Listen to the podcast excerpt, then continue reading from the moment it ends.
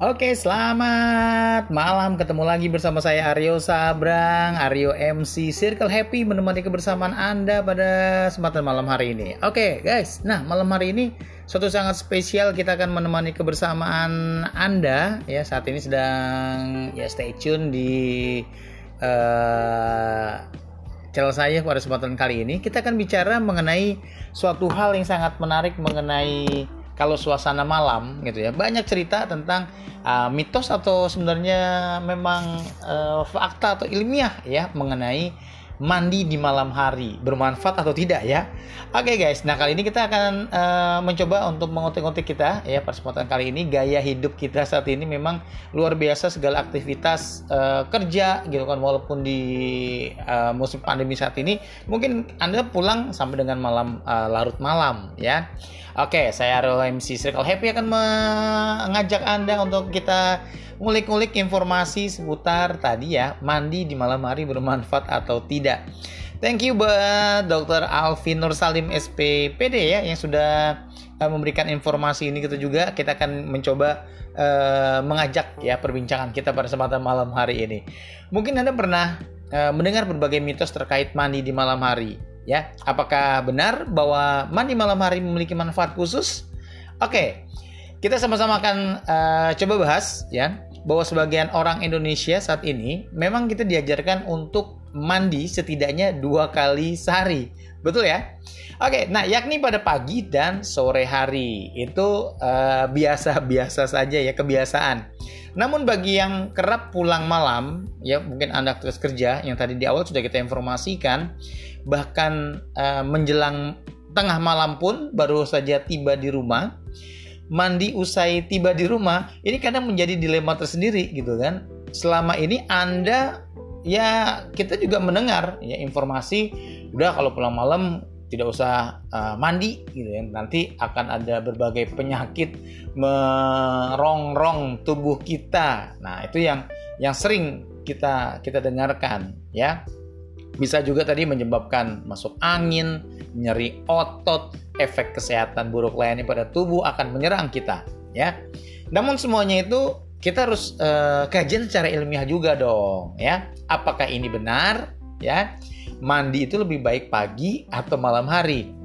Nah ini yang akan kita coba satu persatu kita akan coba informasikan kepada anda oke? Okay?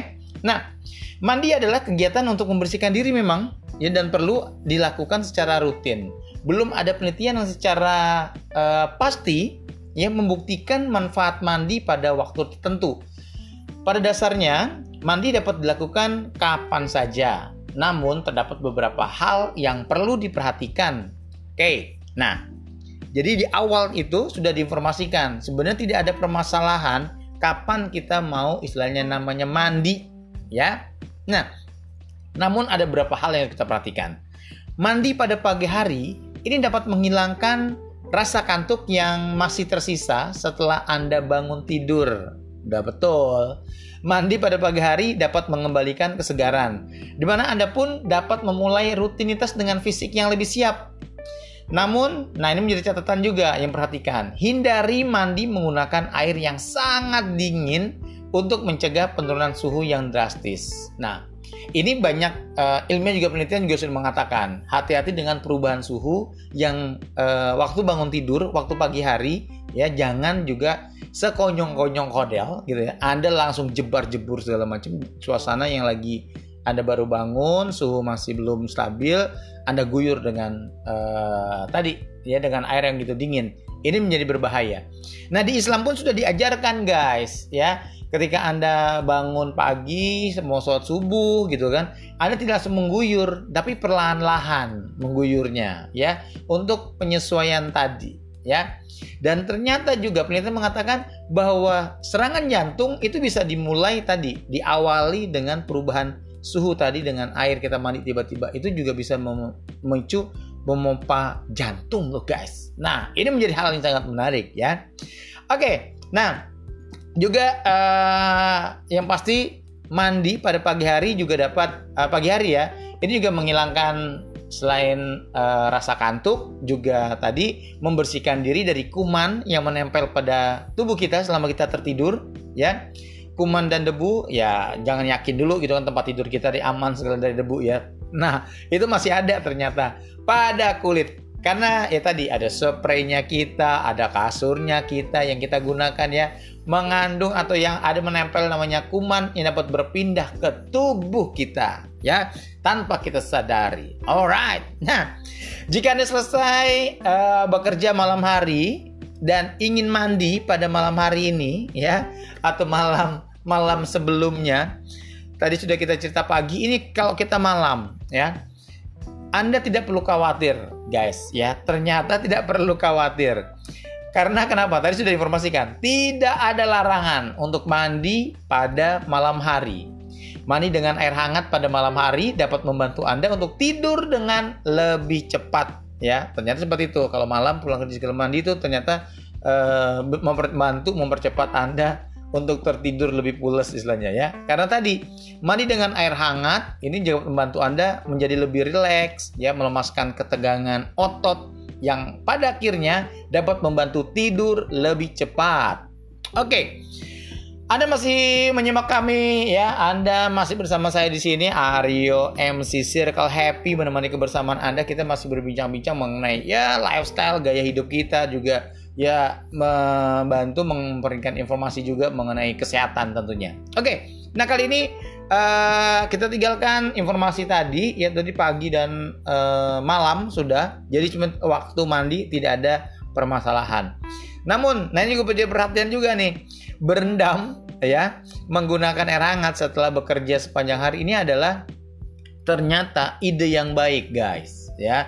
Jadi jangan jangan disalahkan kalau Anda ya tadi uh, oh nggak boleh nih berenang segala macam. Angin dan nyari otot lah. Ah nanti muncul ke depannya rematik. Wah banyak macam banyak cerita gitu ya. Nah anda harus uh, mengingat adalah harus menghindari mandi dalam waktu lama. Itu saja. Oke okay, ya.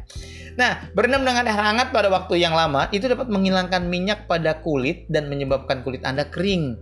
Anda tentu tidak mau dong ya, kulit Anda kering akibat berkurangnya kandungan minyak pada kulit karena kenapa? Waktu Anda tidur pun Anda akan mengeluarkan ya cairan atau istilahnya dehidrasi ditambah kalau kering lagi, wah kulit Anda menjadi kusam ketika bangun ya. Nah, jadi batasi saja waktu Anda mandi ya kurang lebih bisa 5 sampai dengan 10 menit lah untuk menghindari namanya uh, hilangnya ya kulit Anda atau lemak Anda itu hilang atau kulit Anda kering. Nah, seperti itu ya. Itu yang harus Anda percatat. Oke, sekarang kita bahas lanjut lagi mengenai informasi pada malam hari ini yaitu mengenai mitos seputar mandi ya di malam hari. Malam ini. Oke, nah sama saat ini belum ada bukti yang menunjukkan efek buruk ya di mana mandi di malam hari. Namun banyak yang percaya mitos yang mengatakan bahwa mandi di malam hari dapat menyebabkan rematik. Faktanya sejauh ini belum ada sekali lagi ya yang bukti mendukung anggapan bahwa mandi pada malam hari memperburuk gejala penyakit rematik ya. Sekali lagi garisin merah tuh ya. Anda tidak perlu takut untuk mandi pada malam hari ketika ada omongan ya. Ah rematik lu kambuh. rematik kita kambuh nanti guys. Tidak guys. Nah, ya. Oke, pada dasarnya tidak ada hubungan antara mandi malam hari dan kejadian rematik. Namun, jika Anda mandi menggunakan air dingin, maka air dingin dapat membuat otot itu uh, mengalami yang namanya sponge, ya. Kondisi ini dapat membuat uh, sendi tertekan sehingga memicu rasa sakit. Oke, kalau Anda dengan uh, air dingin, makanya dianjurkan tadi kita malam itu dengan air hangat, ya. Oke, okay, kini Anda tidak perlu khawatir kan untuk mandi di malam hari pulang kerja ya uh, jangan sampai alasan lu selama muda gitu kan katanya. Kamu sih sama kamu uh, ini uh, lagi mudanya lagi kerjanya sering pulang kerja malam lalu mandi ya. Nah, ini yang ternyata mitos-mitos inilah yang yang uh, sudah dibahas tadi ya. Terima kasih tentunya pada kesempatan kali ini dok ya yang sudah memberikan informasi kepada kita. Tadi obrolan ini sederhana doang gitu kan. Nah ini yang sangat menarik. Uh, dan sebenarnya juga sebenarnya mandi malam sepulang kerja itu ada nggak sih sebenarnya risikonya? Ini juga uh, ada suatu hal yang sangat menarik sebenarnya memang apakah nggak ada gitu kan karena tadi kita sudah capek seharian gitu ya apalagi ada yang lembur ya mau cepat-cepat pulang biar cepat mandi kayaknya badan udah nggak enak ya lalu mau istirahat. Nah namun harus menjadi hal yang sangat menarik ya. Kalau ternyata apakah benar mandi malam itu uh, bisa menjadikan penyakit gitu ya. Ini banyak hal yang menjadi suatu yang sangat menarik nih ya. Uh, ibaratnya ini memang suatu fenomena gitu kan. Banyak yang cerita gitu kan akibat akumulasi ketika pulang malam kita mandi gitu ya. Namanya uh, rematik gitu ya. Ini sampai dengan peredarannya informasi ini dari mulut ke mulut gitu ya. Hingga akhirnya banyak yang percaya. Namun dan ini menjadi perhatian ya.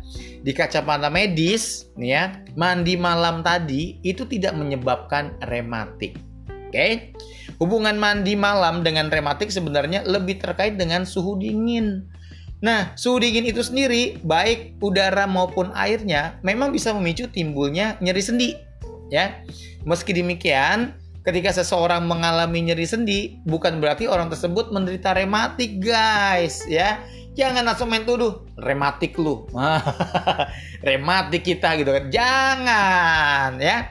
Oke, nah itu tadi yang uh, tentunya hal yang perlu kita kita ingatkan. Sekali kita guys bawahi lagi bahwa ketika mandi malam tidak ada sangkut mautnya dengan yang namanya mandi malam dengan rematik. Udah kita lurusin ya guys ya? Oke ya?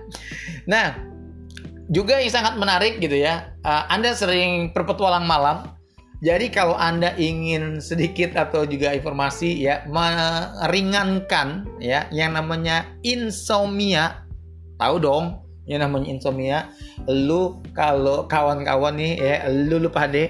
Yang pasti kalau lu mau tidur pada kurang atau susah mau tidur malam nah itu biasanya penyakitnya gitu kan. Nah mandi malam itu ternyata dianjurkan buat yang namanya insomnia.